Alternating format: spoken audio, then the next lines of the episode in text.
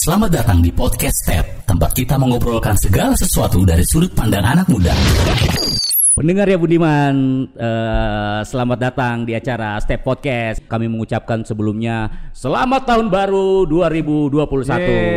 Yeay, selamat tahun baru. Selamat Tuhan baru. Malam Tahun, tahun, tahun. ya Tabale, tabale, tabale, tabale. Kalau kamu dengar ada suara yang agak-agak awam di telinganya kamu, eh, itu bukan berarti kamu punya eh, Spotify ngadat atau Apple Podcastnya kamu ada yang error atau Google Podcastnya kamu hang-hang. Episode kali ini tuh kita kedatangan eh, bintang tamu selain saya Eja dan Dan saya Angga, kita kedatangan satu bintang tamu yang spesial. spesial Angga. Ya, Spesial. Pakai telur. Lebih, lebih. Spesial, spesial ses- bertelur. Sespesial apa dia ini Angga Mun- di matamu? Jadi banyak hal lah saya belajar, Belajar dari dari- beliau. Oh, berarti beliau ini sosok panutan juga dia ini. Iya, iya. Iya, iya, iya. Kalau iya. saya khusus saya memang panutan. Oh, iya iya iya iya. Haus kan? Nah, Haus. tadi sudah diperkenalkan sekilas oleh Angga. Nah, orang yang eh, jadi bintang tamunya Step Podcast episode kali ini adalah saya perkenalkan saja langsung beliau, Wah, beliau. Yang mulia. Kakanda Muhammad Iqbal. Hey. Halo, halo, halo. Aduh, aduh, aduh, aduh, aduh, aduh, aduh. Muhammad Iqbal ini eh, sehari-hari eh, kita panggil Balo. Tapi kalau akun media sosialnya eh, pakai nama apa kau Bal? Iqbalovski. Eropa Timur. Eropa Timur, Iqbalovski. Iqbalovski ya? Ada keturunan ini. Iya, iya, iya. Adanya anu Nurmagomedov. Iya iya iya iya Nurmagomedov Iya, sudah iya. pensiun dia. sudah pensiun habis mempertahankan gelar kan langsung Iya, langsung pensiun. Nah, Muhammad Iqbal ini tuh eh, selayang pandang saja saya kasih sama Steppers. Sekarang jabatannya itu sebagai Ketua Aliansi Jurnalis Independen Kota Palu. Jadi eh, dengan demikian sudah bisa kita tebak bahwa tidak mungkin dong dia ini Eh, ini penari kayaknya. tidak dia. mungkin penari kan? Tidak mungkin. Dia ini adalah eh, jurnalis. Nah, Bal, kau ini jadi jurnalis sudah berapa tahun berarti? Belum lama sih kayak. Bisanya belum lama itu. Oh, eh. sedangkan kau gurunya Angga Oh, begitu. Lama bos. lama beliau ini pak, lama. Jadi wartawan itu jangan pembohong. jangan pembohong. Ingat kode Tidak. etik. Iya, iya, Kebenaran jurnalis itu kan terikat ruang waktu. Oh. Iya kan? Iya, Jadi iya, kalau iya, iya, saya iya, belum iya. lama karena saya jadi menulis sebenarnya dari zaman kuliah. Zaman kuliah. Zaman kuliah ini masih orde baru ya. Tahun berapa itu pak? Angkatan Pangeran Diponegoro. Tolong, tolong Bal. Kita tiga semua ini wartawan meskipun sadang Angga so tidak, tidak kerja di media tapi tahulah ilmunya. Perihal konteks jangan kau lepaskan. Jadi zaman kuliah itu konteksnya itu tahun berapa? Kita ini kan butuh kepastian dalam dunia jurnalis. Ini masih opening ku banting. Lama punya ini. Oh lama pak. Saya 2005, 2005. 2005. 2005. Maksudnya kalau masuk di dunia eh, jurnalis profesionalnya dari 2005, tapi sebelumnya di kampus kan saya memang aktif Oh, di lembaga oke. pers. Oh. Aktif di lembaga pers, cuma karena lembaga pers ditutup. Jadi sebagai gambaran 2005 di apa media jadi aktif di dunia pers sekitar 10 tahun sebelumnya. Jadi ya bisa di kita tarik kesimpulan tahun berapa atau 95 dong. Iya. Lama le. Tapi basic basic keilmuanmu, basic pendidikanmu memang kau ambil jurnalistik Bal atau bagaimana? anak, anak hukum, Bro. Oh, anak Fakultas hukum. hukum, Bro. Ya, anak hukum. anak hukum. Nah. Fakultas hukum. Dari fakultas hukum itu kemudian kenapa kau tertarik jadi wartawan? Apa karena desmu waktu itu hukum atau bagaimana? Dari kampus saya suka menulis. Oh iya. Saya suka menulis, eh, aktif di lembaga pers, eh, walaupun waktu itu lebih banyak bikin selebaran. Jadi bukan berupa tabloid apa dan segala macamnya, lebih ke selebaran. Terus tiba-tiba, jadi tidak ada sih sebenarnya, belum bukan tidak ada, belum ada niat waktu itu untuk benar-benar menjadi jurnalis. Hmm. Cuman terjerumus lah saya menyebutnya terjerumus, diajak Terjerumus. diajak teman-teman jalan ke kantor kantor mercusuar sekarang. Hmm. kantor mercusuar sekarang. Terus langsung uh, baca cerita-cerita dengan orang-orang di situ. Terus ditawari menulis dilihat tulisan Hmm. diterima. Sudah. Itu kan anu kan berarti pada saat itu CR ya, CR. CR Iya. CR Coba jelaskan CR itu apa? Nanti orang bilang cek dan recheck. Kepurac eh. CR itu calon reporter. Jadi Oh, sebelum yang iya. belum ada ID card Belum jadi ada ID mana card. bawa kertas HVS Hmm. Jadi di bawah di bawah tulisan di koran itu belum ditaruh inisialnya kita, masih CR. Kalau ada CR 5 orang ada CR 1, CR 2, CR Oke, sampai 5 orang. ya, ya. Jadi steppers eh, sekedar gambaran. Zaman dulu, entah kalau sekarang ya, itu salah satu tahapan untuk menjadi eh, wartawan. Di, kalau di radar kayaknya masih masih ber, di radar memperlakukan- masih ya? masih masih begitu ya. itu. Jadi kau tidak yang ujuk-ujuk langsung eh, dikasih surat eh surat atau kartu ID card. PR, ID Ah, card masuk- misalnya. Masuk, box nama Ah, ah. langsung menulis apa segala macam. Kau pasti dulu akan melewati eh, tahapan dan di media-media itu ya Berapa bulan ya Bal ya kalau CR dulu ya?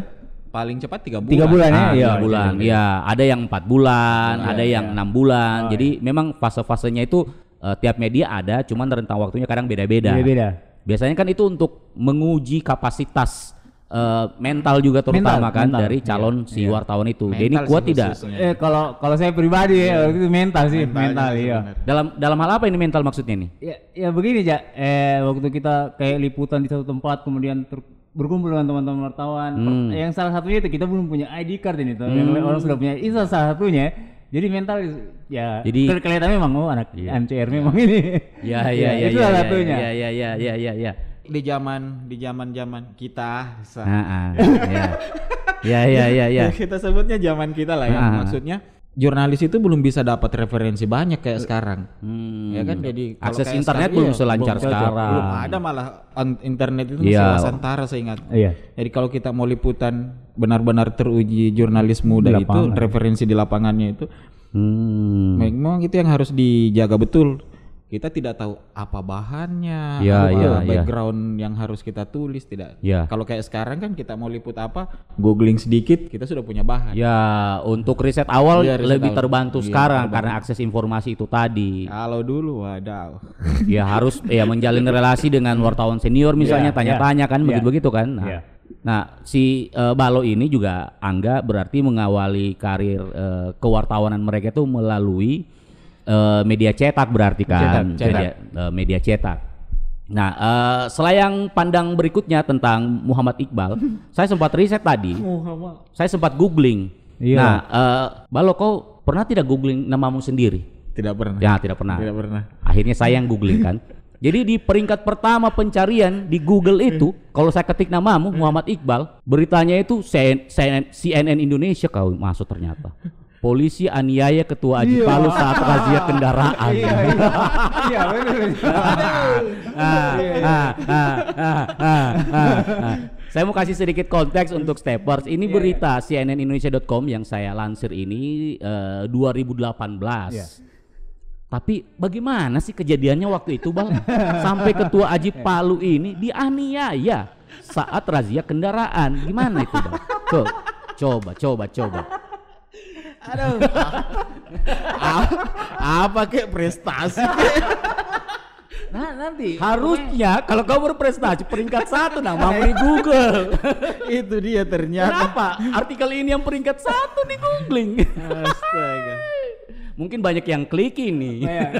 Kayaknya lebih menarik itu, Ja. Iya. Iya. Ya. Jadi ini tiga tiga teratas yang sambil ini, Bal. Kau jelaskan dulu yang peringkat Ya, satu. oke. So, kasusnya sudah selesai. Hmm. Sudah selesai jadi pelakunya itu uh, sudah ditangani secara profesional oleh Ya. pihak kepolisian. Hmm.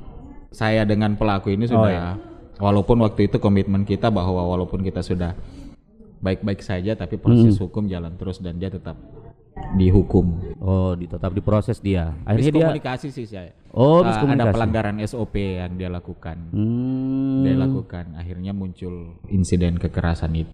Oke, jadi itu yang membuat namanya Muhammad Iqbal ini nangkring di peringkat satu pencarian Google saat kita mengetikkan namanya. Oke. Ja, itu Ja nama asli atau nama panggung yang di searching itu, Ja? Muhammad Iqbal. Nama asli Nama asli ya? Oh iya. Muhammad Iqbal. Oke.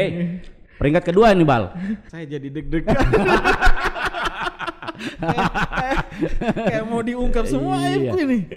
Rencananya begitu. Peringkat dua ini dari yang yang yang muncul itu dari media Al Herat Palu. Judulnya tuh begini, Ketua Aji Palu titik dua. Banyak sengketa pers, jurnalis abai kode etik. Jadi ini tuh konteksnya itu kau sedang memberikan materi Oh, di iya, pelatihan iya, jurnalistik. Ah. Ini kejadiannya baru kayak ini, Belum, Bal, ya? belum ya, belum lama itu. belum lama kan? Menarik ini eh, kutipannya Iqbal dia kasih jadi eh, judul. Artinya kan kau yang bilang ini ini barang ini kan ini kalimat banyak sengketa pers, jurnalis abai kode etik. Nah, yang mau saya tahu Bal, ini kau bicara dalam harusnya sih ya dalam konteks Palu berarti kau bicara ini. Iya, dalam konteks Palu. Nah, coba kau jelaskan dulu. Kebetulan juga kita ini kan pengen tahu juga se- Iya. seperti apa sih lanskap Media. industri pers atau media di di Kota Palu ini. Nah, salah satunya ini sem- sudah sempat kau bilang juga ternyata di di Kalau materimu. la- kalau landscape ya, tapi saya kalau saya lebih tertarik sebenarnya kalau bicara fenomena sebenarnya. Ya. Fenomena digitalisasi media yang Hmm. akhirnya ujung statementku seperti itu. hmm, Gitu kan sekarang abai eh, kode etik. Ya, bagaimana orang me- kita bicara tadi saya dengan Angga bilang bagaimana susahnya menjadi jurnalis di tahun 2000-an gitu kan. Kita Ya. harus kantongi surat ke mana-mana. Iya, iya. Eh, bahkan di depan editor kita harus berhadapan dengan KKBI yang tebalnya kayak apa Iya. gitu kan. Hmm, hmm, hmm. Sekarang sudah ada nah, software. Sekarang ada Iya. softwarenya. Nah, ini muncul statement ini muncul eh, ketika saya me- berapa kali melakukan pelatihan jurnalis, Hmm. baik itu yang eh, awal jurnalis mendasar dengan yang advance dan ketika saya tanya bahwa ada ndak yang sudah tamat dengan kode etik jurnalis 70 sampai 80 persen itu bahkan belum pernah baca Kode etik itu. kode etik jurnalistik. Iya. 70 sampai 80 ya? Ya ini kan menarik sebenarnya. besar Iya, iya, iya, itu. iya, iya. Iya.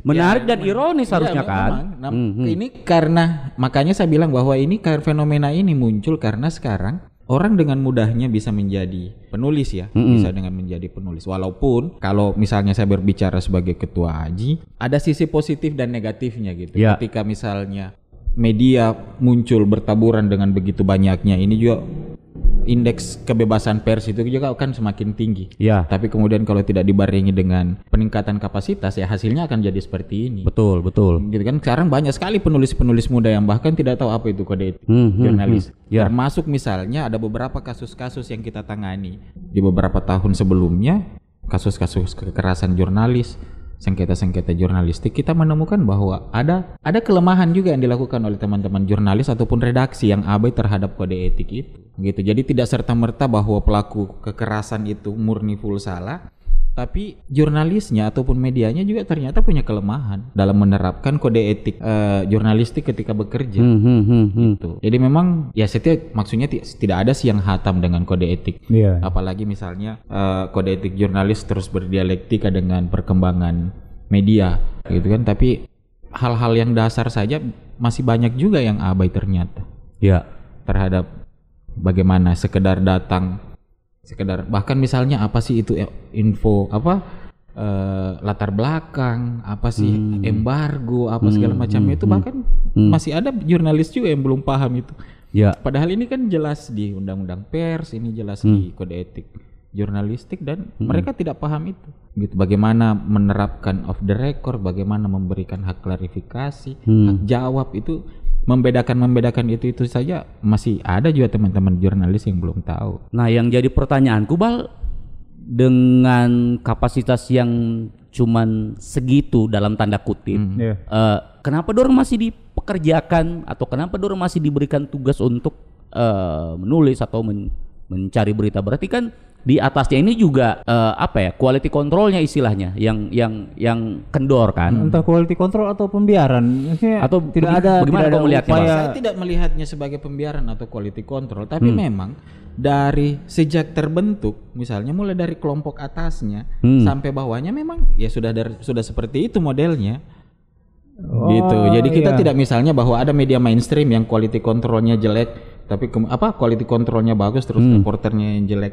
Ya, tapi kalau misalnya ya itu dia tadi bahwa sekarang buat media apa sih susahnya? Susahnya iya. Iya, iya betul Modal betul. beli domain, Betul betul betul modal, betul. modal Betul, beli betul, domain berapa ratus ribu kita sudah bisa menulis selama satu tahun. Betul betul.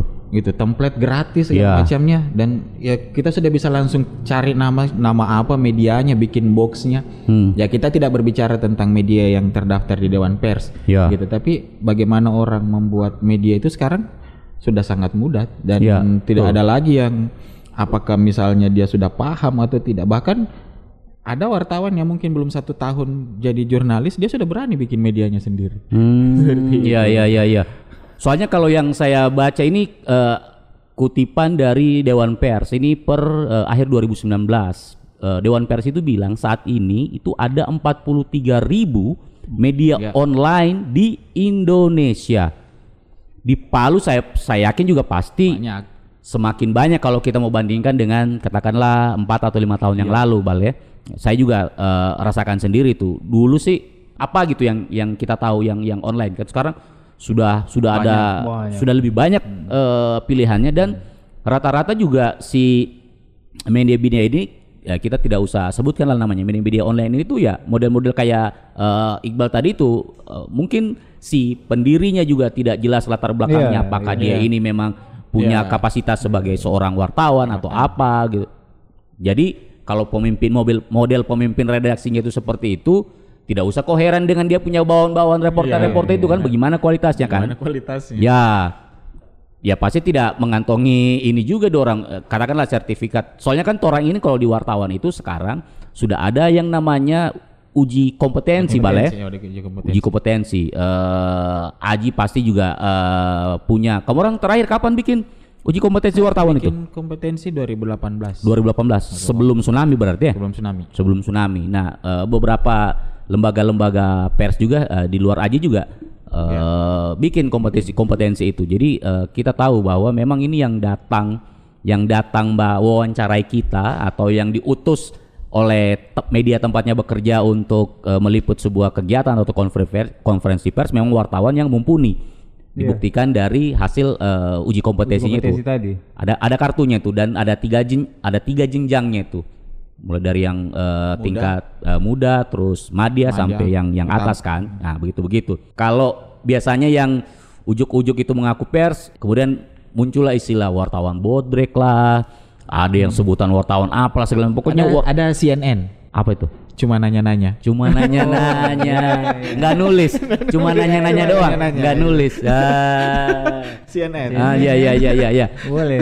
Iya, iya, iya. Iya, ada banyak sebenarnya apa sebutan-sebutan singkatan-singkatan eh prokem plesetan untuk ya menyebutkan model-model tipikal-tipikal wartawan-wartawan yang kayak begitu itu.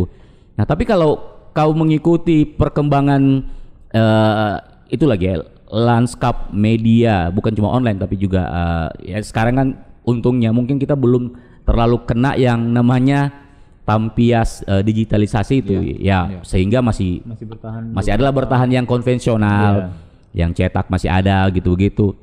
Secara umum kau melihat bagaimana bal, dorang punya ini, eh, apakah berjalan semakin maju?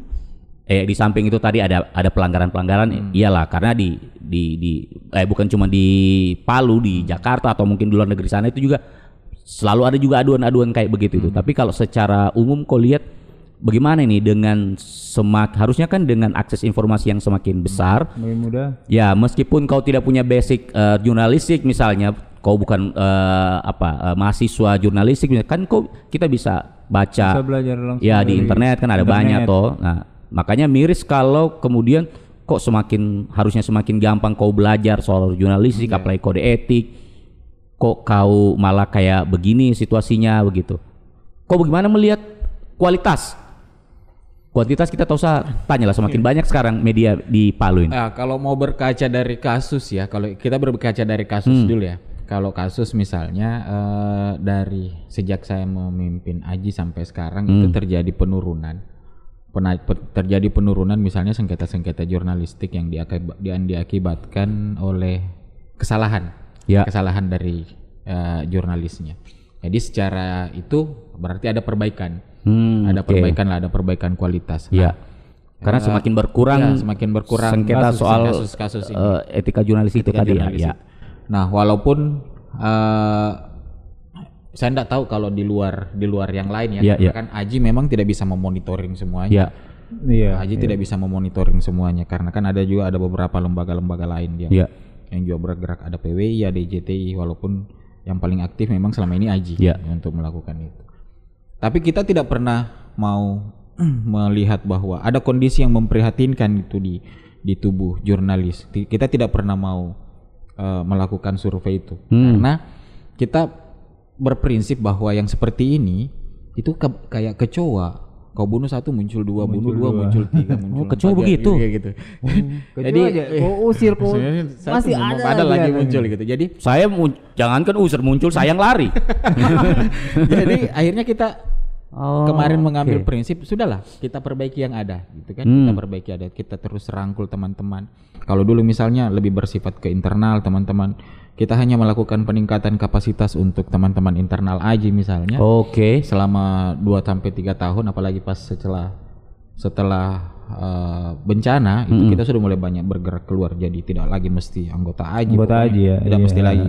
Semua teman-teman yang misalnya mau belajar tentang bagaimana menjadi jurnalis bagaimana mengelola media itu semua kita rangkul. Hmm. Itu responnya bagus ya? Dari responnya bagus. Responnya bagus. Makanya berapa kali kita bikin bahkan ah, akhirnya ada kelompok-kelompok jurnalis yang tidak non organisasi juga itu mulai eh, terpicu untuk buat pelatihan-pelatihan yang sama terus kemudian memanggil Aji nah Jadi ini, salah- ini, ini fenomena bagus Ya ya menurutku ya gitu ya kan. ya ya. ya. ha. maksudnya minimal orang sudah mau belajar gitu Iya. orang sudah mau belajar Hmm. ketimbang yang lalu sekedar jalan apalagi ketika pas meledak-meledaknya media online ini kan Hmm, hmm, hmm. media online ini meledaknya waduh kacau sekali kita tidak tahu. Tiap tiap kita dapat laporan ada orang melapor ini media dari mana? Kita tidak tahu tidak pernah tahu ini media dari mana Iya. kapan dibuatnya Iya. apa segala macam.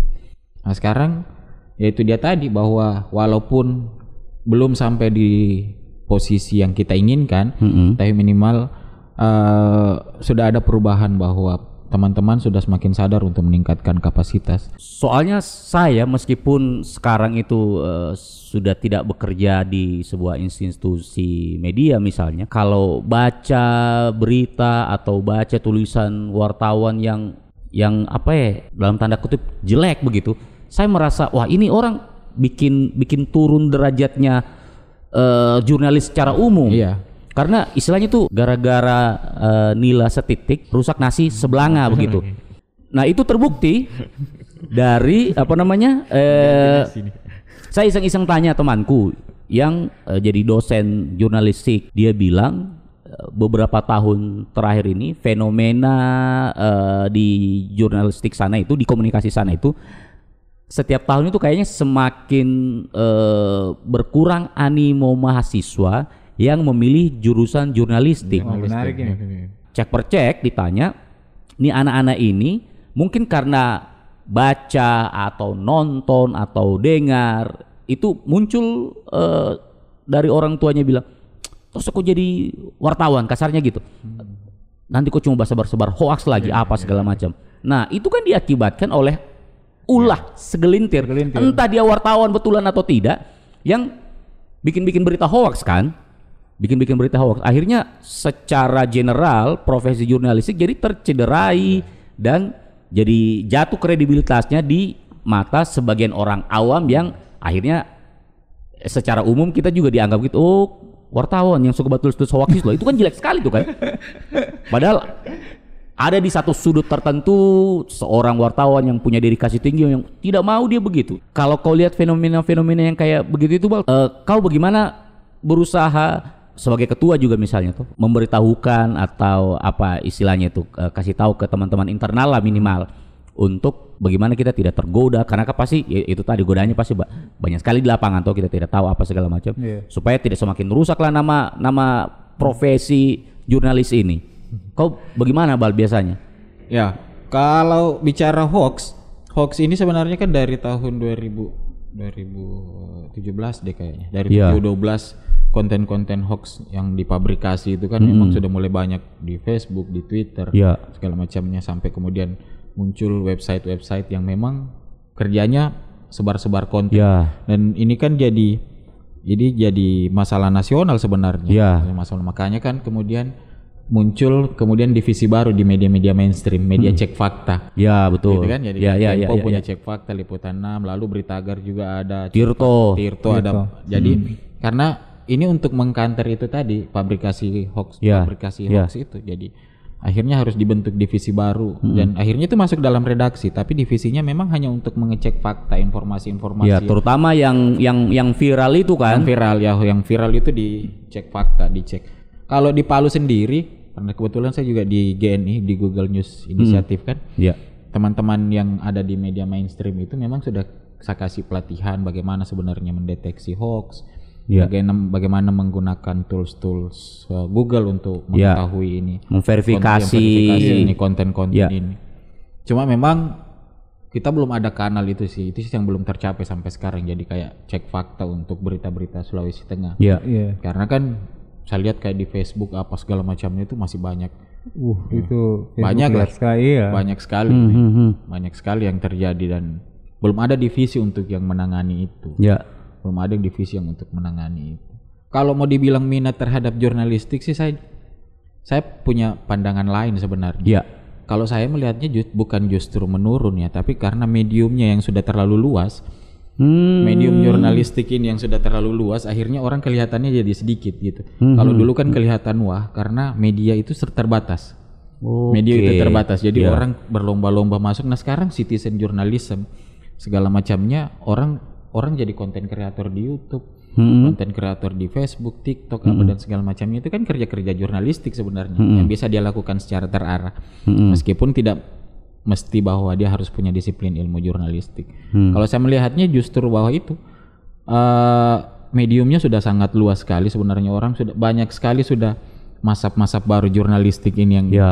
yang orang kita jadinya jadi semakin melebar. Kita padahal kalau mau dilihat prinsip-prinsip kerjanya mereka melakukan kerja-kerja jurnalistik Yang tanpa dorang sadari. Yang tanpa meskipun- sadari, Ya. Jadi memang medium yang Iya. yang yang melebar Iya, tuh jadi tidak tidak searah dengan yang Eja bilang tadi bahwa ma- mahasiswa Iya. untuk mahasiswa jurnalis Kalau dulu berkurang kan ketika kita, misalnya ketika kita masuk di Untat, yang ada di kepalanya kita itu, saya nanti jadi kerja di Radar Sulteng, Nuansa Pos, Ya, terlalu Mercusuar, ya sempit. kan jadi. Padahal kalau ya sekarang di sekarang kita mau Pilihannya lebih beragam memang. Cuma itu tadi eh, ya nyambung soal keberagaman dan eh, luasnya medium yang bisa eh, diakrabi untuk eh, mempraktikkan kerja-kerja jurnalistik itu. Di, di satu sisi memang eh, apa teknologi yang semakin maju terus menyediakan platform yang semakin banyak tapi saya melihatnya itu eh, sisi negatifnya itu membuat kualitas eh, eh, jurnalis itu atau juga eh, institusinya secara umum itu jadi semakin banal. Iya benar. Karena ya apalagi eh, apa ya salah satu hasil penelitian terbarunya Remo TV misalnya. Meskipun dibilang di sini ada 43 ribu media online misalnya. Nah, yang besar-besar itu kalau dia dikelompokkan, dikandangin, orangnya pemiliknya itu cuma segitu-segitu aja. Cuma 12. Ya, jadi medianya memang beragam. Tapi tonnya karena pemiliknya itu cuma se- segelintir, akhirnya jadi seragam juga. Seragam juga ya. Makanya saya bilang secara secara kualitas eh, akhirnya ada yang biasa-biasa saja, ada yang mediocre malah. Makanya kan yang saya baca kalau saya yang saya konsumsi sebentar saya tanya satu-satu teman-teman ini. Tetap yang yang yang, yang menurutku itu punya eh, karya, mutu dan bisa dipertanggungjawabkan beritanya. Nah, itu adalah media-media yang sudah lama macam Tempo. Ya, itu itu saya yang saya baca. Kompas misalnya kan yang begitu-begitu. Kalau yang baru-baru itu akhirnya saya jadi malas karena karena itu apa kadang-kadang juga judulnya clickbait, lain judul, lain isi dengan lain yang di tweet begitu-begitu kan. Nah, kalau kalau kalau kau nggak melihat ya banyak opsi. Akhirnya kau hanya memilih pasti mengkonsumsi tidak mungkin banyak sekali juga kau baca pasti hanya satu atau dua iya, begitu iya, yang iya. yang itu yang akhirnya saya takut mau apa ya tak bukan tak eh takut sih sebenarnya Iya. mau coba yang baru kan Mm-mm. karena beberapa kali ada media-media baru coba ya itu clickbait ya akhirnya saya kembali ke Kompas, Tempo ya kayak kayak begitu. Yang sudah terbukti dia punya Iya, ini iya, toh. iya. Nah, kalau eh kok melihat ya kebanyakan kan yang tumbuh-tumbuh ini tuh media-media online kan sangat rentan untuk jatuh ke perangkap yang namanya clickbait. Clickbait. Ya, ya clickbait ini juga dia tidak muncul di ruang hampa. Ada ada apa namanya? Ada faktor yang membuat dia begitu. Dan kalau tidak begitu media katanya susah cari duitnya gitu. Karena yang dijual itu kan eh, hasil clickbait itu kan, hasil klik-klik itu. Kalau kau melihat fenomena-fenomena teman-teman yang yang ya yang sekarang yang sering kau jumpai, dorang sering mengeluh begitu tidak bal? Bahwa ada semacam keharusan kalau kita tidak mau menyebutnya paksaan ya dari editor atau red pill atau apa katakanlah itu untuk memfabrikasi berita-berita yang menjebak-jebak begitu itu bal. Eh, kalau ber- kita bicara Sulawesi Tengah ya, Ya. kita bicara Sulawesi Tengah. Kalau Sulawesi Tengah itu sebenarnya kan seperti ini. Motivasi orang untuk membuat media online di Sulawesi Tengah itu masih beda dengan di nasional Hmm. gitu. Kayak misalnya di media nasional itu mereka yang sedang kejar ads, AdSense segala macam. Ya. gitu. Kalau di sini belum. Masih ter- tidak terlalu tepat Ah, eh. Jadi benar format medianya itu digital, tapi Hmm. cara kerjanya itu masih konvensional. Oh, tujuannya beda ya. Tujuannya beda gitu. oke. Jadi misalnya bikin media online tapi kemudian cari kerjasama ke dinas-dinas apa segala macamnya. Jadi Ya itu praktik-praktik kon- media praktik- konvensional iya, sebenarnya. Ya, ya. Walaupun bentuk medianya adalah digital, tapi Hmm. praktek kerjanya itu masih konvensional. Oke. Gitu. Kalau kalau yang memang benar-benar misalnya yang menuju ke digitalisasi yang hebat, ada ada beberapa dan Hmm. itu kita lihat sih eksistensinya. Makanya kan biasa kita lihat ada yang memang eh, rutin update setiap hari Ya. eh, dalam menggunakan tagar misalnya Hmm. tagar jadi mereka supaya bisa masuk indeks di Google itu Iya. ada memang bekerja untuk itu tapi itu paling Cuma lima- beberapa kan. lima beberapa Iya, media iya, yang iya, iya. melakukan itu yang lainnya ya prakteknya konvensional Iya, perannya tidak sebrutal media yang home base di Jakarta Iya, misalnya. nah, nah. oh, itu Mereka memang sampai ke situ. sudah sudah. jadi ibaratnya chaos. ini ibaratnya mediumnya digital tapi pola kerjanya manual sih Ya. analog lah, analog gitu Bers- ya bersyukurlah kita yang mengkonsumsi media-media di Palu ini ya, belum terlalu apa ya, orang punya persaingan itu belum seberingas yang di Makanya kita belum di, di Jakarta. berita-berita lokal itu masih jarang sih. Kalaupun ada yang clickbait itu paling yang masih masih ya yang dilakukan media-media nasional Ya, 5 6 maks- tahun lalu gitu kan. Ya masih se-ekstrim. masih dalam batas toleransi lah begitu-begitu. Nah, oke. Sekarang peringkat ketiga Aduh. di daftar pencarian soal Muhammad Iqbal. apalagi. Eh ini tentang eh, rusuh kemarin bal waktu eh, penolakan eh, pengesahan undang-undang eh, Cipta Kerja. Ada tiga orang eh, rekan wartawan yang jadi eh, korban kekerasan. Nah, kau salah satu yang bersuara dan kemudian eh, dikutip eh, bentuk protesmu itu. Nah, saya mau eh, tanya ini kan sebenarnya ya Aji Pusat juga sering eh, harusnya sih per tahun ini mereka akan kasih keluar rilis ya berapa jumlah kasus kekerasan yang menimpa wartawan, Wartawan. atau jangan-jangan sudah keluar rilis besok atau Oh. iya, Nah. catahu, catatan akhir tahun. nah kau sendiri bal eh, terutama dalam eh, sepanjang tahun 2020 lah ya 2018 toh setelah dihitung karena kan kamu orang sudah anu toh berbaikan toh Iya. kasus kau dianiaya itu, itu ya Rujuk, tersenyum. rujuk. nah di 2020 ini bagaimana kasus ke- kekerasan yang menimpa secara khusus teman-teman wartawan di di Palu atau Sulawesi Tengah mungkin kau punya bisa kasih sedikit kisi-kisi Kalau kita yang kekerasan ya, yang kekerasan eh, fisik cuma satu ini, yang kasus Alsi ini. Oke Kasus- oh yang kemarin dia Yang liputan soal itu kan yang kena pukul itu. Mhm. Ada terus ada beberapa kasus lain kayak misalnya radar sulteng yang ditangani Aji ya. ya ya ya Ditangani Aji itu kayak kasus eh, radar sulteng digugat tim pengacara muslim. Hmm. Tapi eh, seperti biasa kalau di prinsip advokasinya Aji itu kan yang kita lakukan pertama itu kan adalah non kekerasan, kasus non kekerasan Ya. itu kita lakukan mediasi dulu. oke Kita lakukan secara mediasi dan kemarin di tahap mediasi itu berhasil. Jadi akhirnya dicabut gugatannya. hmm Tapi kita tetap menaruhnya sebagai catatan bahwa ada media yang digugat. ya ya ya ya Karena ya itu kan sebenarnya selalu kita bukan persoalan apakah dia mencabut atau tidak, tapi yang kita takutkan itu muncul presiden Betul. untuk publik bahwa sebenarnya media bisa digugat, hasil tulisan media itu bisa digugat dan segala macam. Kita tidak mau ini kemudian dicontoh oleh orang lain. Betul, sedikit-sedikit sedikit-sedikit gugat lagi. digugat, sedikit-sedikit digugat. Padahal ada Iya. prosedur lain yang bisa dilakukan. Ya, ya. Kita itu sih yang kita tangani agak eh, karena memang kemarin di tahun kita sampai tahun kedua kita masih fokus ke peningkatan kapasitas teman-teman pasca Iya. bencana. Tapi kalau dibandingkan tahun-tahun sebelumnya, Bal berarti jumlahnya semakin menurun ya. Ya itu kabar baik lah ya. Ini menurun. Soalnya kasihan ini teman-teman wartawan sudah apa eh, sebagian gajinya kasihan sudah di dipirit-pirit, kamu kasari lagi kasihan. Aduh siksa betul jadi wartawan. Semakin tidak mau orang tertarik jadi wartawan sudah. Nasib tidak jelas, keamanan tidak jelas. Eh, Jangan curhat mas. Aduh. nah Iqbal ini teman-teman, kalau kamu itu sering eh, menyaksikan ojek, obrolan jelang maghrib. Oh, Iya. iya. Anjay. Eh, ini, ini Palu Podcast ya. Ini Palu Podcast itu diinisiasi oleh teman-teman Aji Bale. Ah iya, sebagian besar teman. Sebagian besar teman-teman Aji. Nah, eh, Iqbal ini memang jarang dia ada di depan layar. Eh, dia itu bagian-bagian apa ya, eh, memastikan secara langsung podcast itu berjalan dengan prima. Style, very prima. Soalnya jelek tulisan gue. nah, nah, selain itu bal, eh, apalagi kerja-kerja jurnalistik yang sekarang sedang eh, kau geluti?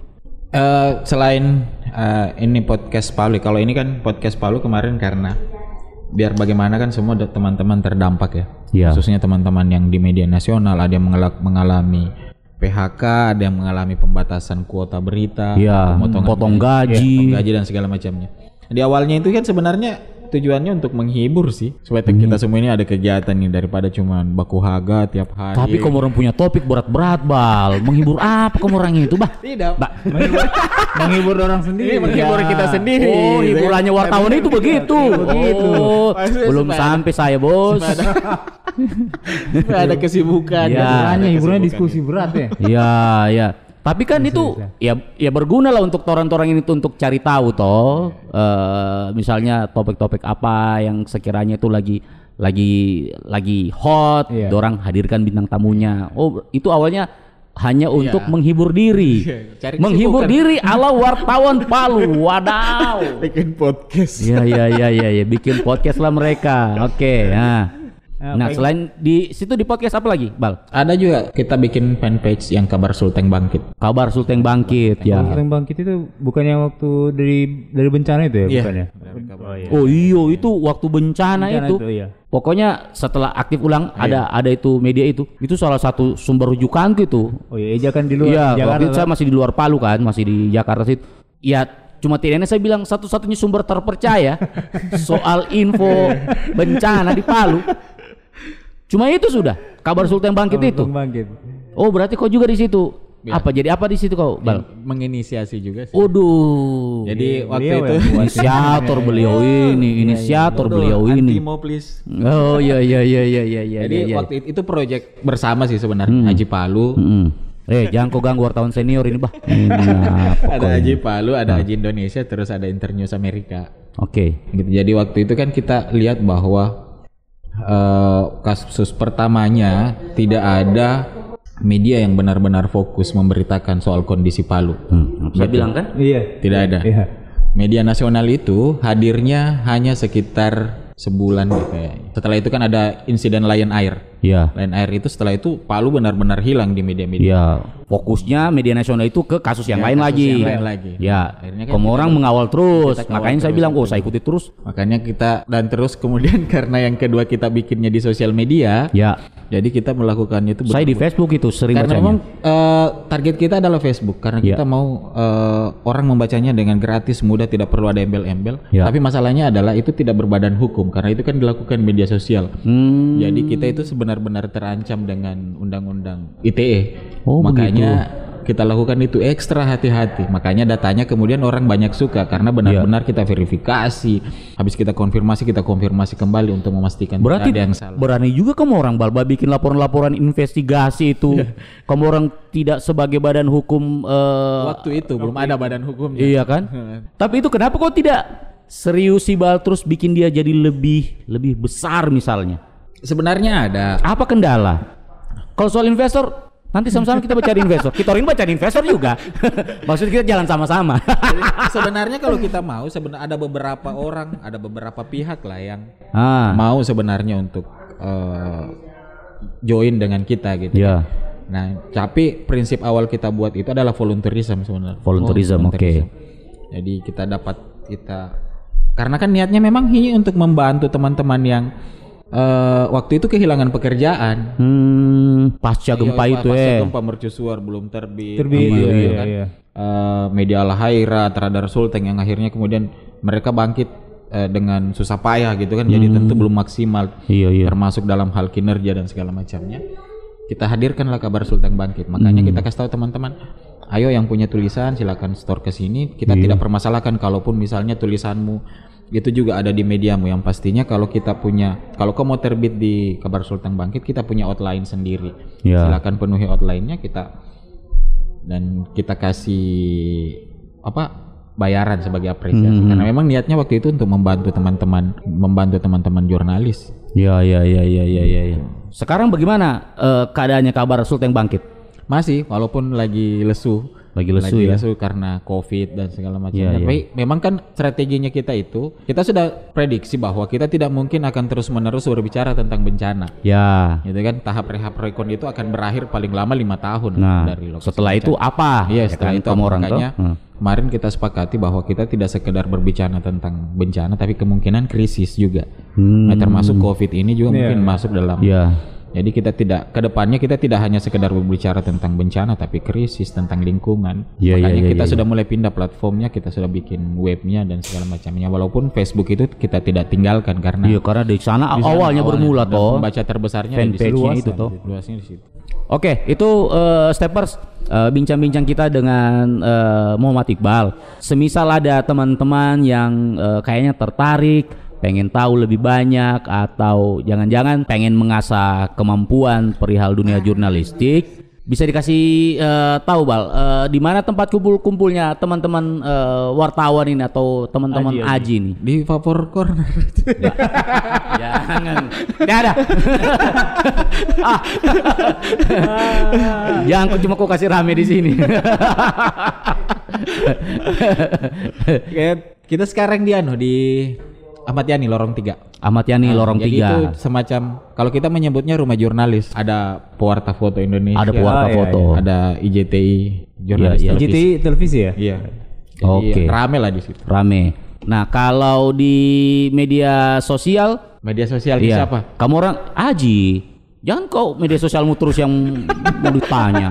Aji, Aji Palu, Aji Palu. Kalau Aji Palu kita tidak tidak tidak aktif sih di Tidak aktif. sosial. Oh, tidak aktif di.